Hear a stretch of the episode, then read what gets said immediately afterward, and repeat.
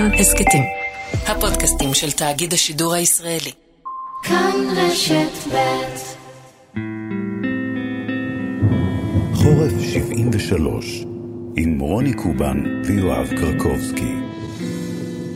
דובר צה"ל מודיע היום לפני הצהריים פרט צה"ל לעיר העתיקה של ירושלים.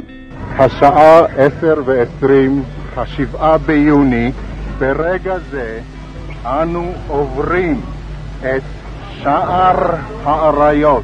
ירושלים הבנויה כעיר שחוברה לה יחדיו. ועוד הודעה מאת דובר צה"ל שארם א-שייח בידינו. אני חוזר, שארם א-שייח בידינו. כן, הקולות האלה, הרגעים הללו, שינו את ישראל לחלוטין. איחדנו מחדש את ירושלים המבוטרת. חזרנו לקדושים שבמקומותינו. חזרנו על מנת שלא להיפרד מהם לעולם. מלחמת ששת הימים הפכה את ישראל למדינה אחרת. נקים מדינת ישראל חדשה, רחבת גבולות ואיתנה, טובה מזו שנגזרה עלינו בקרבות מלחמת העצמאות ב-1948. ישראל חזקה, שבעה, שחצנית. היו לה לישראל כל הסיבות בעולם להיות כזו. ניצחון מלחמת ששת הימים, הגדלת שטחה פי שלושה ממה שהייתה ערב החמישה ביוני 1967, הכניסו את המדינה לזכיחות גדולה. אופוריה. מלחמת ששת הימים הייתה הרת גורל לישראל. נלחמנו על חיינו בארץ ועל קיומה של מדינת היהודים.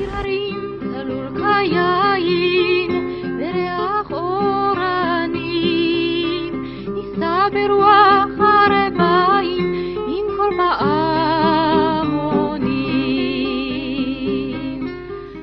מדינה שערב ששת הימים חשה במשך 19 שנים סכנה יומיומית על מותניה הצרות, הפכה בשישה ימים למעצמה אזורית, יוזמת, לוחמת, חזקה, מאיימת על שכניה. ירושלים של זהב ושל נחושת ושל אור,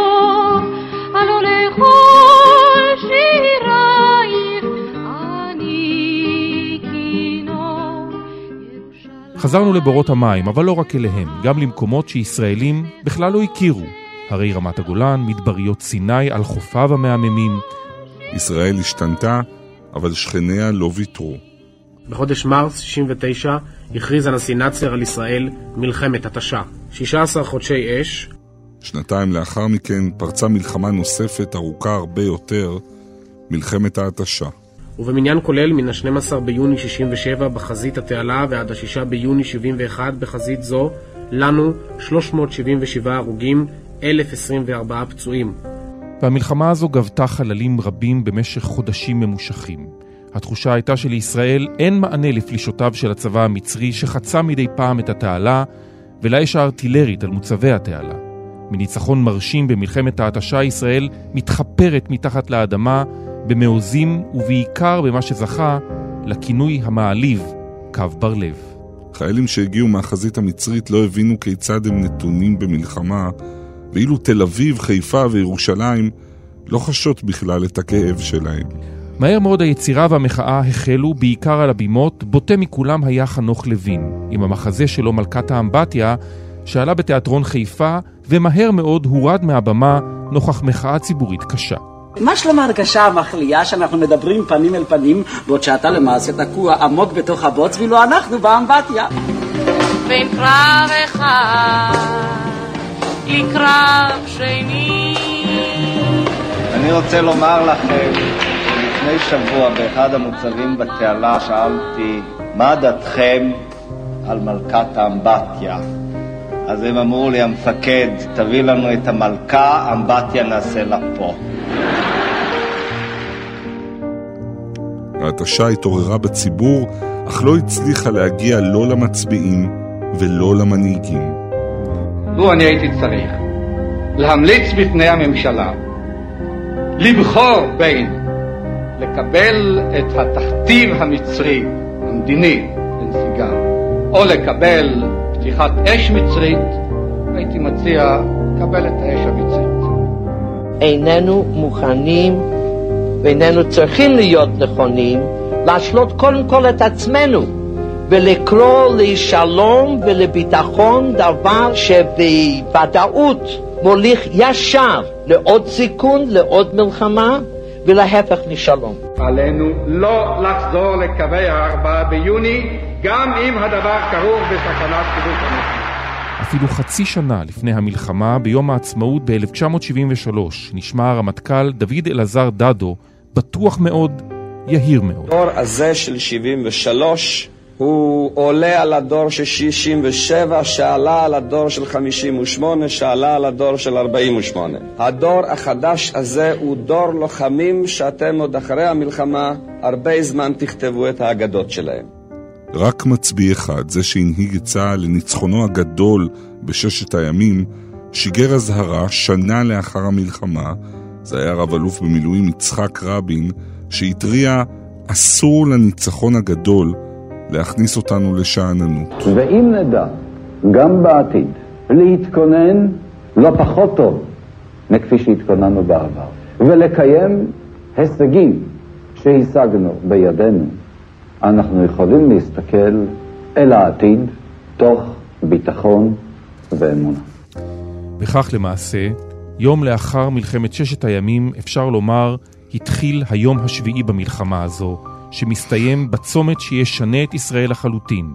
ישראל של אחרי שישה באוקטובר 1973 כבר תהיה מדינה אחרת לגמרי.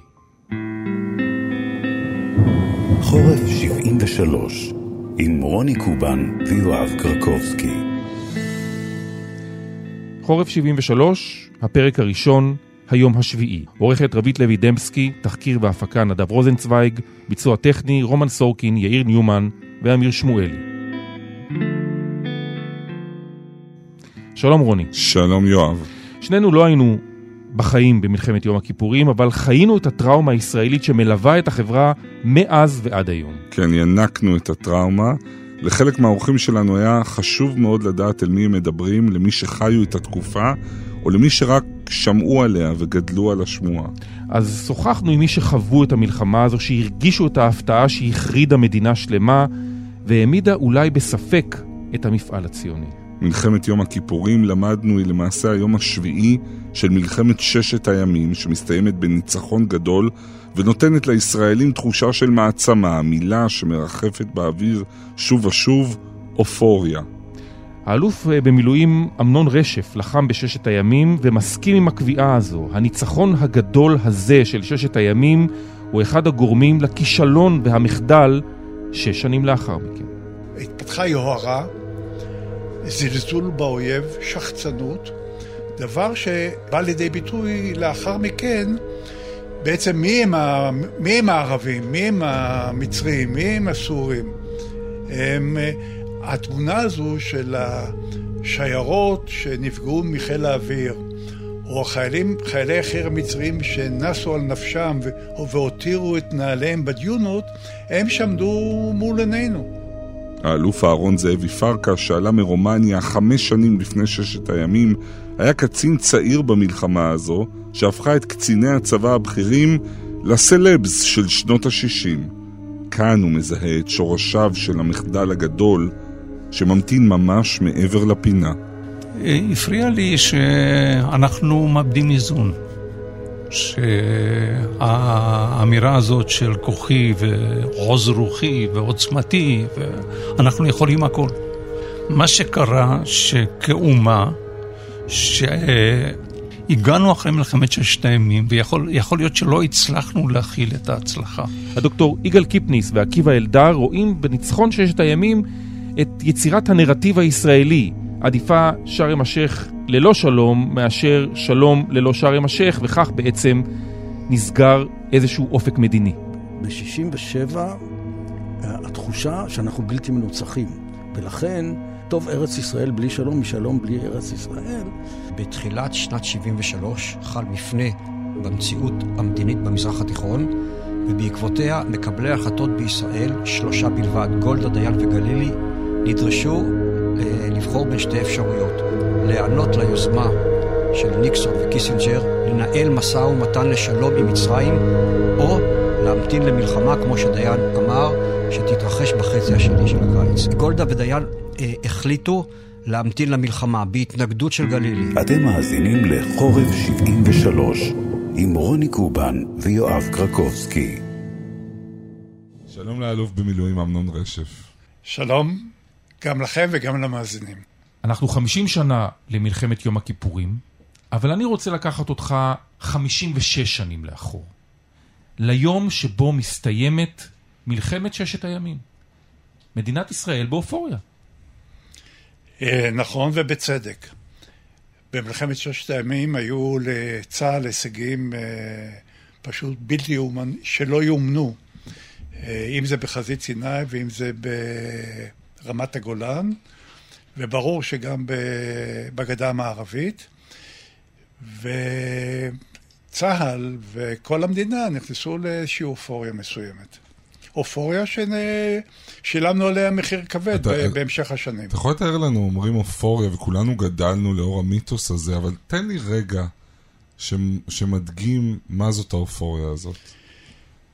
תראה, האופוריה זה דבר שהולך ונבנה.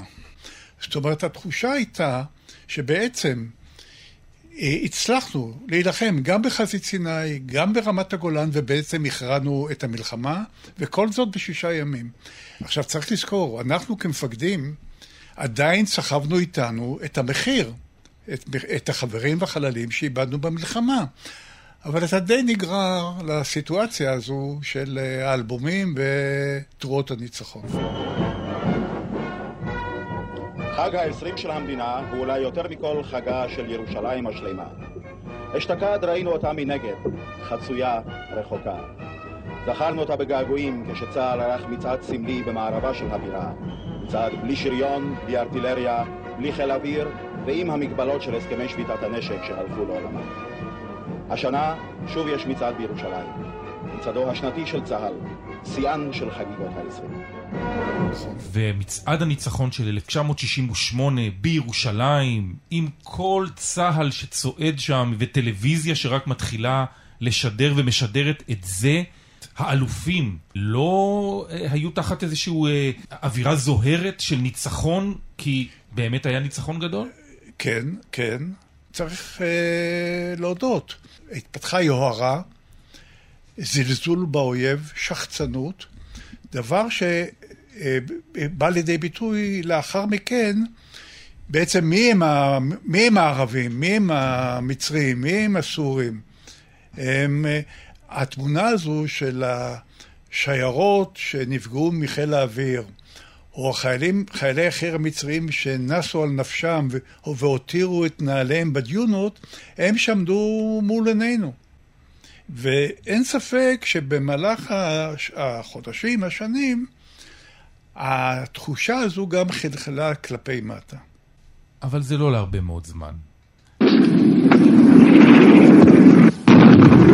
המצרים תקפו את כוחותינו לאורך תעלת סואץ, מקנטרה עד פורט.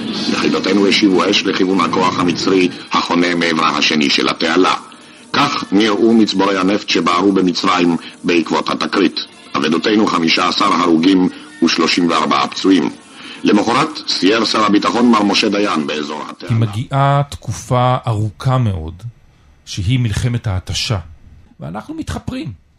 כן, אתה צודק, אה, גם מופגזת וגם הם ערכו פשיטות, והיו מערבים, וזו הייתה, הייתה מלחמה קשה מאוד, שאתה לא יכול לנצח בה. והאווירה הייתה קשה מאוד בתעלה, אה, כיוון שבעצם כמעט והיוזמה לא הייתה בידך, אלא רק בידי המצרים. פה ושם ביצענו אה, פשיטות לעבר אה, הצד השני, אבל זה בטל בשישי מול האווירה הקשה שהייתה בשטח. אבל אני רוצה לומר לך, אני כמג"ד, צריך לזכור, אנחנו מדברים על 68, 69, אין לך טלפונים ניידים, אין, בקוש, אין לך טלפון. אני לא מצליח לדבר עם האישה אולי פעם בשבוע, כשאיזושהי מרכזנית עושה לי טובה. וכשאני נוסע או טס הביתה, דבר ראשון, לפעמים זה היה חילופי עונות. זאת אומרת, ירדתי לסיני בקיץ וחזרתי בסתיו. אבל כשהמטוס, נניח שטסתי, וטסתי מעל רצועת החוף, וראיתי את המתרחצים בחוף, אמרתי, יופי, אני מבצע את תפקידי, והם חיים את החיים שלהם. והייתה לי תחושה טובה עם זה, שום תסכול. זאת אומרת שאת מלחמת ההתשה הרגשתם בחזית, אבל בתל אביב, בחיפה, בירושלים, היא פחות הורגשה. כן. כמו שאגב קרה אחר כך עם הרבה מלחמות אחרות, לבנון למשל. אני זוכר הרבה תיאורים של חיילים על, על זה שהם פתאום חוזרים לכמה ימים למרכז, ו, ומצד ש... וכן, לא מבינים איך החיים נמשכים. אה, כן, אבל דווקא אצלי זה, התופעה הייתה שונה. אז אמרתי, זה תפקידי, תפקידי להילחם, ותפקידי לאפשר חיים נורמליים בעורף. מה היה בשנים האלה מבחינת ההיערכות של הצבא לאפשרות של מלחמה? במישור האימונים. אנחנו התאמנו, ואני יכול להעיד על החטיבה שלי, חטיבה 14. חטיבה 14 ערב המלחמה הייתה במלוא כושרה המבצעי. בדרגים הגבוהים יותר, אז ברור שזה נתן את ביטויו, הזלזול באויב. ואני חושב שאם אנחנו מדברים על חזית סיני, ודיברת על, על המעוזים ועל ההתחפרות. ועל קו בר לב. ועל קו בר לב. המצב הוא היה הרבה יותר חמור. בספר שאני כתבתי, הגעתי למסקנה, שהיא היום די מקובלת, שכתוצאה מהיוהרה, מהשחצנות, לצה"ל, והייתי מרשה לעצמי גם לומר מחוסר מקצועיות של הצמרת, לצה"ל לא הייתה תוכנית הגנה לסיני, ואותן פקודות שהיו, הן היו נבובות וריקות מתוכן. ועל זה שילמנו מחיר כבד מאוד בימים הראשונים של המלחמה.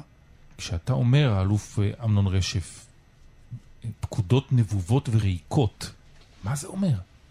זאת אומרת, היו, מאוד, היו הרבה מאוד תוכניות התקפיות, סופר אתגריות, אני יכול לומר בדיעבד שהן היו בכלל לא ישימות, ולא הייתה תוכנית הגנה.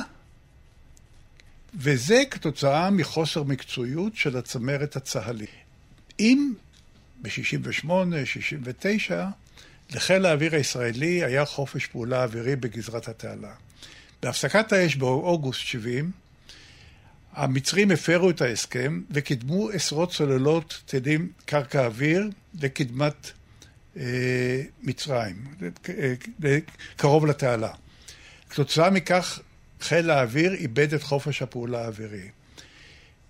זה, ההצטיידות המצרית, וצריך גם לדעת, תוכניות המלחמה המצריות היו בידי ישראל. ידענו במדויק, כולל עדכון שהיה באפריל 73, מה המצרים מתכוונים לעשות.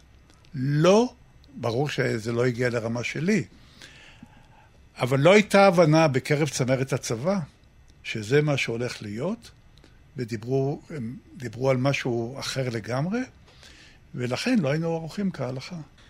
האלוף במילואים, אמנון רשף, תודה רבה לך. תודה רבה לכם. אתם מאזינים לחורף 73 עם רוני קובן ויואב קרקובסקי. שלום לאלוף במילואים אהרון זאבי פרקש. שלום. תום מלחמת ששת הימים. ספר לי איך נראה צה"ל בדיוק ביום הזה של הניצחון הגדול. ב-1967 אני הייתי חמש שנים בארץ. אם עכשיו נשאר לי עוד קצת מבטא רומני, אז ודאי שאחרי חמש שנים בארץ יש יותר. אתה אומר לי, 67, אני פרח טייס עדיין. המדינה רק הולכת ומתרחבת, לא חשבת על משהו אחר. זו העוצמה. היהודים חזרו לארץ אחרי אלפיים שנות גלות, אני בא מבית אורתודוקסי. זה היה מרגש מאוד, זה כאילו פעמי המשיח. פעמי משיח. כן. אבל הפרספקטיבה הזו דווקא של הזר, כן, שיכול להסתכל על הישראליות מהצד, לא נתנה לך עוד נקודות במובן הזה של להרגיש בשלב מסוים ש... שהיהירות אה, משתלטת? שיש פה איזה משהו שעלה לאנשים לראש? אני לא, לעולם לא הייתי כזה. זה הפריע לי כבר הרבה זמן. זה הפריע לי בכלל. השחצנות של הצברים. השחצנות של הצברים. זה אוקיי. לא, לא הצלחתי להתאקלם לזה. לפני המלחמה, אני חייב לומר. ו... אז אם זה הפריע לך לפני, זה בטח הרבה יותר הפריע לך אחרי. אכן. מה הפריע לך? הפריע לי שאנחנו מאבדים איזון. שהאמירה הזאת של כוחי ועוז רוחי ועוצמתי, ואנחנו יכולים הכל. מה שקרה שכאומה, שהזהות היהודית שלנו אה, נצרבה באלפיים שנות גלות. הגענו אחרי מלחמת ששת הימים, ויכול להיות שלא הצלחנו להכיל את ההצלחה. וכתוצאה מזה, לדעתי, אה, התחלנו לעשות דברים שיצאו מפרופורציה ומהיכולת האמיתית שלנו. התאזנו, ולצערנו הרב, מלחמת התשה הביאה את כולנו לצורך להסתכל אחרת על דברים. ואני כבר לא מדבר על הפתעת מלחמת יום הכיפורים, שפה זה גם הפתעה וגם... לא, לא האמנו שבסופו של דבר נגיע לכך שאותם ערבים שאנחנו ניצחנו בשישה ימים, יאכלו לנו, או יפתיעו אותנו. לא רק שתקפו אותנו, אלא גם הפתיעו אותנו. אהרון זאבי פרקש, אני רוצה לקחת אותך עכשיו, שנתיים אחרי מלחמת אה, אה, ששת הימים, פורצת מלחמה שנמשכת 16 חודשים, מלחמת ההתשה. מה היה שם? אחרי ניצחון התחפרנו. תראה, אנחנו חשבנו שהדרך שלנו לשמר את ביטחוננו זה כל פעם להרחיב את חומת המגן שסביבנו. אם ב-67' היה בגבולות 67', אבל לאחר מכן הגענו לתעלה. אני, אני חושב שקרה לנו שמלחמת התשה בראייתי, אה, ממרץ 69, הייתי מדגיש, ועד השמיני לאוגוסט 1970. זו הייתה תקופה מבחינתי המעצבת והקשה ביותר. אני יצאתי הביתה בתקופה הזאת, אמא שלי ספרה חמש פעמים. חמש פעמים ב... בשנה פלוס בערך. עד, יול, עד יולי-אוגוסט. זה מלחמת התשה היא יותר חמור. וואו. ושירתתי בסיני, באום חשיבה, והייתי מפקד האיסוף האווירי וההגנה האווירית. ולא הרשיתי לעצמי אה, לנסוע הביתה, כי האמנתי שהתראה של דקות ושניות קריטית להביא לניצחון של הפלת חמישה טייסים סובייטים, למשל, או כל הדברים האלה. ובנינו יכולת שאי אפשר לדבר חופשית עליה עדיין, וזו, אלה יכולות מדהימות שפותחו באותה תקופה. אז איפה היו היכולות האלה מהרגע שפרצה המלחמה? תראה, קודם כל, בתחום האווירי והגנה, בתחום האווירי אה, לא היו הפתעות. בתחום האווירי, אם אתה סופר כמות הפלות שלנו ושלהם, לא יודע, זה כמעט על אפס. קרבות אוויר ויירוטים. איפה הייתה הפתעה? בהגנה אווירית. הטיל ששבר את כנף המטוס, שם הייתה הפתעה. נבנה במצרים בסיוע סובייטי, כי סאדאת הבין שהוא לא מסוגל להגן על שמי מצרים. וטס ארבע פעמים למוסקבה ואמר, אתם תעזרו לי לבנות הגנה אווירית.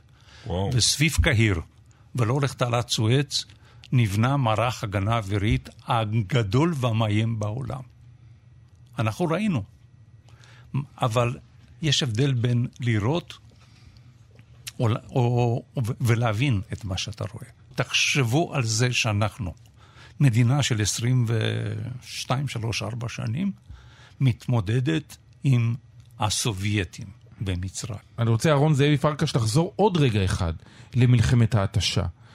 מה, איך קרה שאחרי ניצחון כל כך גדול, צה"ל, המאיים כל כך, הופך להיות מותקף, ובמקום ליזום, הוא מתחפר? ראשית, קשה ליזום כשאתה על גדות התעלה. אתה מגיע לממדים ענקיים, גדולים עליך, מקווה שאנחנו מבינים היום כמה שהם גדולים עלינו, ואתה מתחפר. ואתה רוצה לשמר, כי אתה אומר לעצמך, מכשול של 167 קילומטר כמו תעלת סואץ יגן עליי. לא יצליחו לצלוח. אתה בונה סוללות, אתה בונה את קו החתם עשרה קילומטר מזרחית, ואתה אומר, אללה לא יזיז אותי מפה. אתה בונה מערך מודיעיני מדהים. אום חשיבה 30 קילומטר מתצפתת אה, ושומעת ורואה וחשה כמעט כל דבר, תחושה שאתה יודע כל דבר שקורה. ואתה לא מבין שהסוללות האלה שדיברנו עליהן, הנקודות האלה, הופכות למערך שהוא המאיים בעולם. ואתה מתחיל לתקוף ואתה רואה שהמטוסים נופלים לך. ולאט לאט אלה דברים שזה לא, לא ביום אחד אה, זה קורה, זה לוקח זמן. ואז אתה משוכנע שאותם אה, מצרים וסורים, שניצחת אותם בשישה ימים, לא יעיזו לתקוף אותך חזרה. אז הם משתפרים בהגנה, הסובייטים באו לעזור להם. הם פתאום משתתפים בלחימה, כי הם לא יודעים לבד לעשות את העניין הזה. אני חושב שזה כמו להרתיח אה, צפרדע לאט, ולא לזרוק אותה לתוכם. זה מה שקרה לנו. וב-8 באוגוסט 1970 יש את הפסקת האש של מלחמת ההתשה, ובעצם אז אה, אנחנו באמת נכנסים לסוג של תרדמת? תראה, ראשית, אני מוכרח לומר כאחד שהיה באום חשיבה בליל, בלילה של השביעי שמיני לאוגוסט 1970, בליל הפסקת האש. המצרים מנצלים את ההזדמנות יחד עם הסובייטים, לוקחים את כל מערך הטקה שדחפת אותו מערב הקרוב לקהיר. של טילים נגד, טילי אוויר, טילי, טילי, טילי, טילי קרקע אוויר, טילים 30, נגד מטוסים. 30 ומשהו סוללות, בלילה אחד זזות בין 10 ל-20 קילומטר מזרחה על גדות התעלה. מה משמעות הדבר? שעמת האזור המוגן טילים, שהוא היה מהתעלה המערבה, הופך להיות 35-40 קילומטר בתוך סיני, בתוך קדמת סיני, בלילה אחד. ואתה בהפסקת אש. ואף אחד לא הפר את הפסקת האש. ואז אתה מתחיל להתרגל לצפרדע שמתבשל לך, לאט לאט. הלילה הזה הוא לילה משמעותי, וישראל לא מגיבה על העניין הזה, והמצרים רואים שאנחנו לא מגיבים לעניין הזה. ונוצרת מציאות חדשה. האלוף במילואים אהרון זאבי פרקש, תודה רבה. תודה רבה לך. תודה לכם. חורף 73 עם רוני קובן ויואב קרקובסקי. שלום לדוקטור יגאל קיפניס, מחבר הספר 1973, הדרך אל המלחמה. שלום רב. שלום עקיבא אלדר. שלום חברים. אז בואו ניקח את ישראל של אחרי מלחמת ששת הימים, מבחינה חברתית וגם מבחינת קבלת החלטות המנהיגים, איך היא הביאה אותנו, איך הביא אותנו הניצחון הגדול הזה למפלת ענק שדיין ראה בה חורבן הבית. אה, אני לא הייתי מגדיר את זה מפלת ענק, זו הייתה התחושה שלנו, אבל השאלה איך זה קרה לנו עדיין קיימת, ובוודאי זו לא הייתה הצלחה גדולה. אה, עכשיו, שני דברים פה. אחד, מה קרה ב-67' שלא הפקנו לקחים ממנו? אתה יודע, כשמנצחים, לא שואלים שאלות, גם לא עושים תחקירים. ואני אתן רק מעט, כמה דוגמאות. האחת, ב-67', מאי 67', קרסה הערכת המודיעין. ראש אמ"ן אה, מוערך מאוד, ארלה יריב, ההערכה שלו קרסה לחלוטין, ויום דיברו על כמה שנים שלא תהיה מלחמה, פתאום מצא את עצמנו עם כוחות מצריים בסיני, המעברים סגורים וכולי וכולי. הבעיה היא לא למה קרסה הערכת המודיעין, הבעיה היא מה לא למדנו מזה. לא למדנו מזה איך להתייחס לבעיית המודיעין, כי לא חקרנו. כי, כי ניצחנו. כי ניצחנו, מנצחים, לא שואלים שאלות. ב-67' היה מה שנקרא מרד האלופים. אלופי המטכ"ל קראו לאשכול וביזו אותו, התעמתו איתו בצורה בוטה. למה? כי הם רצו שייתן להם לפתוח ראשונים במלחמה. כלומר, את הנושא הזה של משמעות היוזם במלחמה לא הפנמנו. ב-67' אשכול בוזה, אבל נתן לנו את הקרדיט אה, אה, המדיני לצבא לפתוח מלחמה.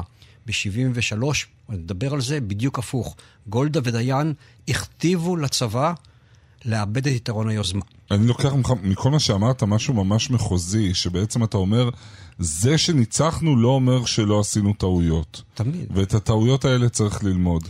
מכל- שמע, זה כל כך לא ישראלי. נכון. זה כל כך לא, זה כל כך אמריקאי מה שאתה אומר. אבל אני כל אגיד... כך בירוקרטי, כל כך מסודר.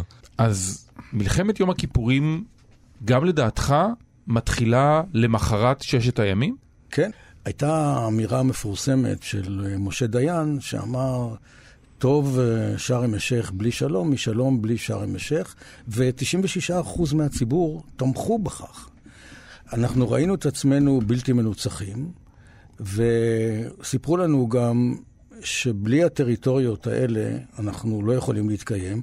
אני רק יכול לספר לכם שאני שירתתי בצבא בין 64 ל-66, והייתי אחד, נדמה לי, משני מחזורי גיוס יחידים שקיצרו להם את השירות לשנתיים וחודשיים.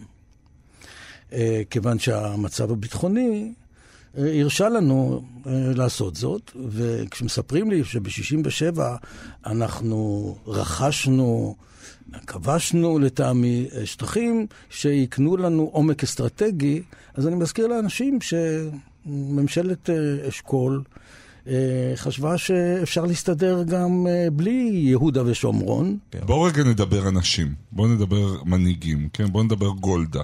גולדה עכשיו ממש אה, זוכה לעדנה, כן? רבליטציה, אה, אה, סרט חדש, סתם האשימו אותה, אה, היא בכלל, איפה קראתי? היה, היה רעיון מרתק.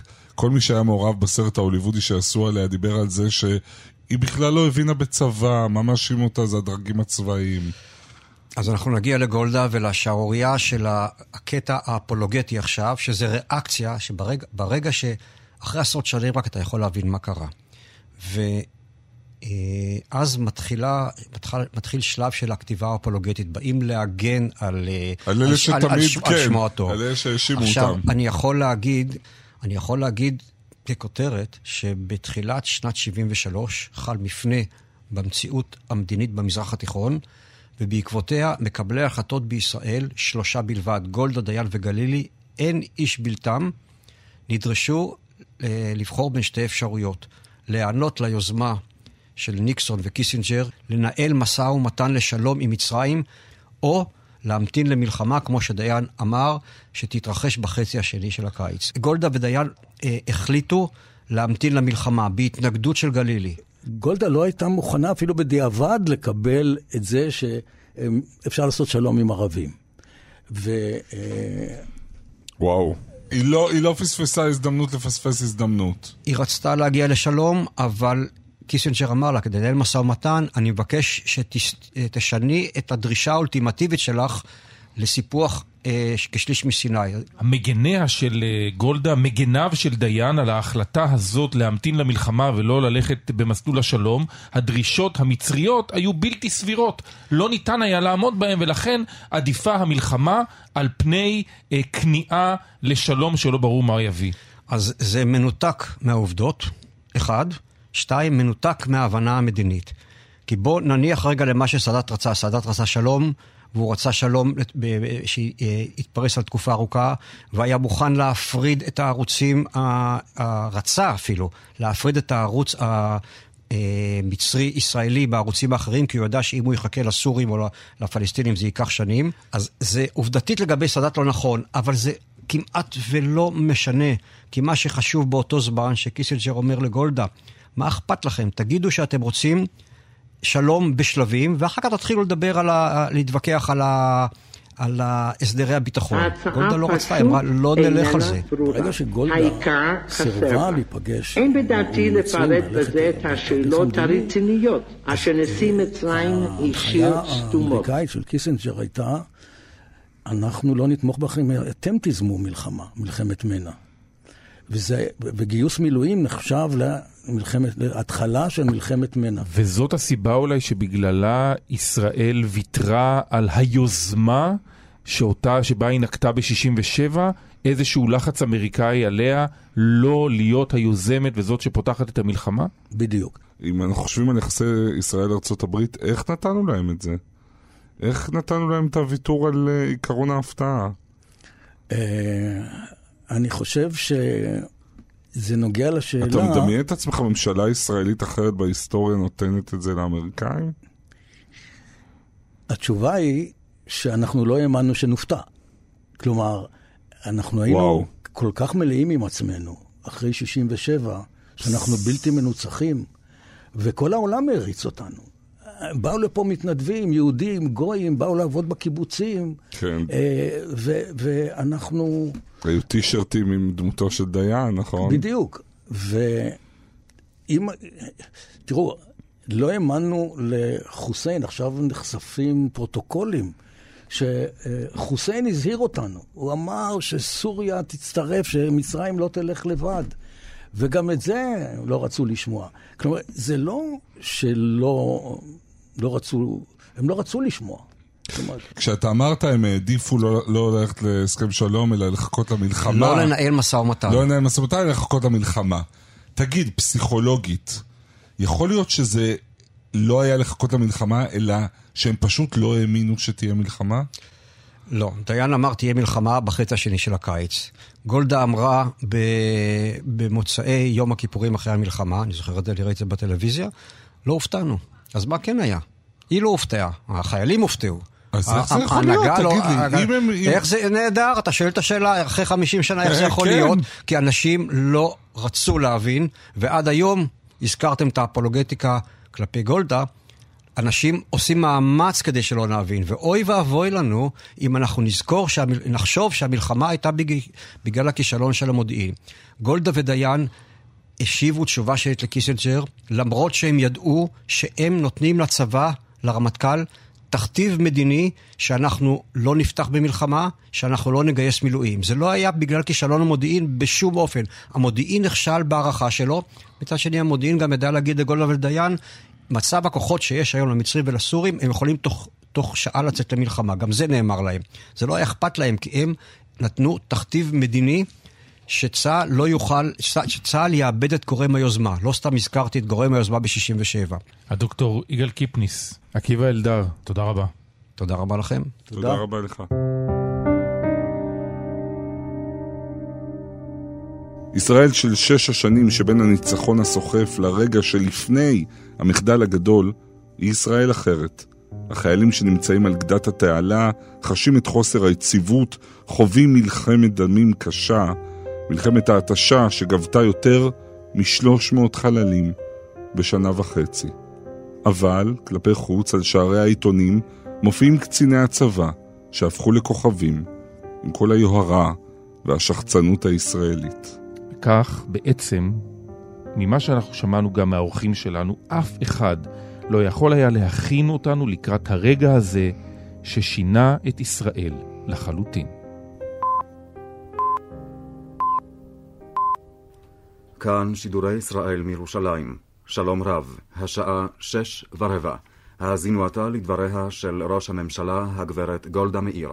אזרחי ישראל, היום, בסמוך לשעה שתיים אחרי הצהריים, פתחו צבאות מצרים וסוריה בהתקפה נגד ישראל.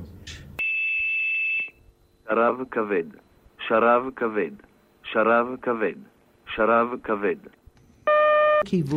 וזה רוני מה שיפתח את הפרק הבא שלנו, שמתחיל הכיפורים, ב-6 באוקטובר עת כה 73, רבים שרויים בשעה בתענית 2. ומתפללים השיר שאפיין את התקופה שבין המלחמות הוא שיר הניצחון, שאיתו נסיים, שירה של נעמי שמר על ירושלים של זהב ושל נחושת ושל אור, ובעיקר חזרנו לבורות המים.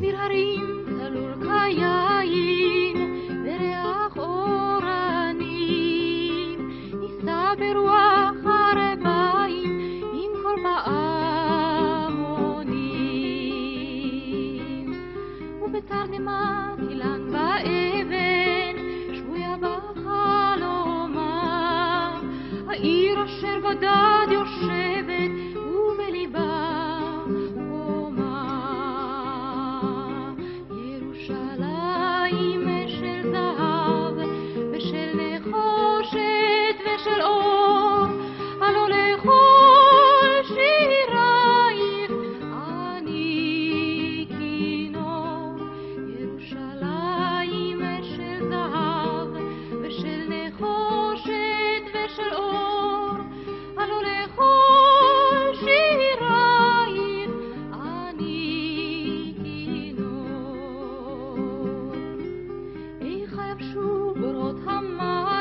חורף 73, סדרת תוכניות לציון 50 שנה למלחמת יום הכיפורים, עורכת רבית לוי דמסקי, תחקיר והפקה נדב רוזנצוויג, ביצוע טכני, רומן סורקין, יאיר ניומן ואמיר שמואלי.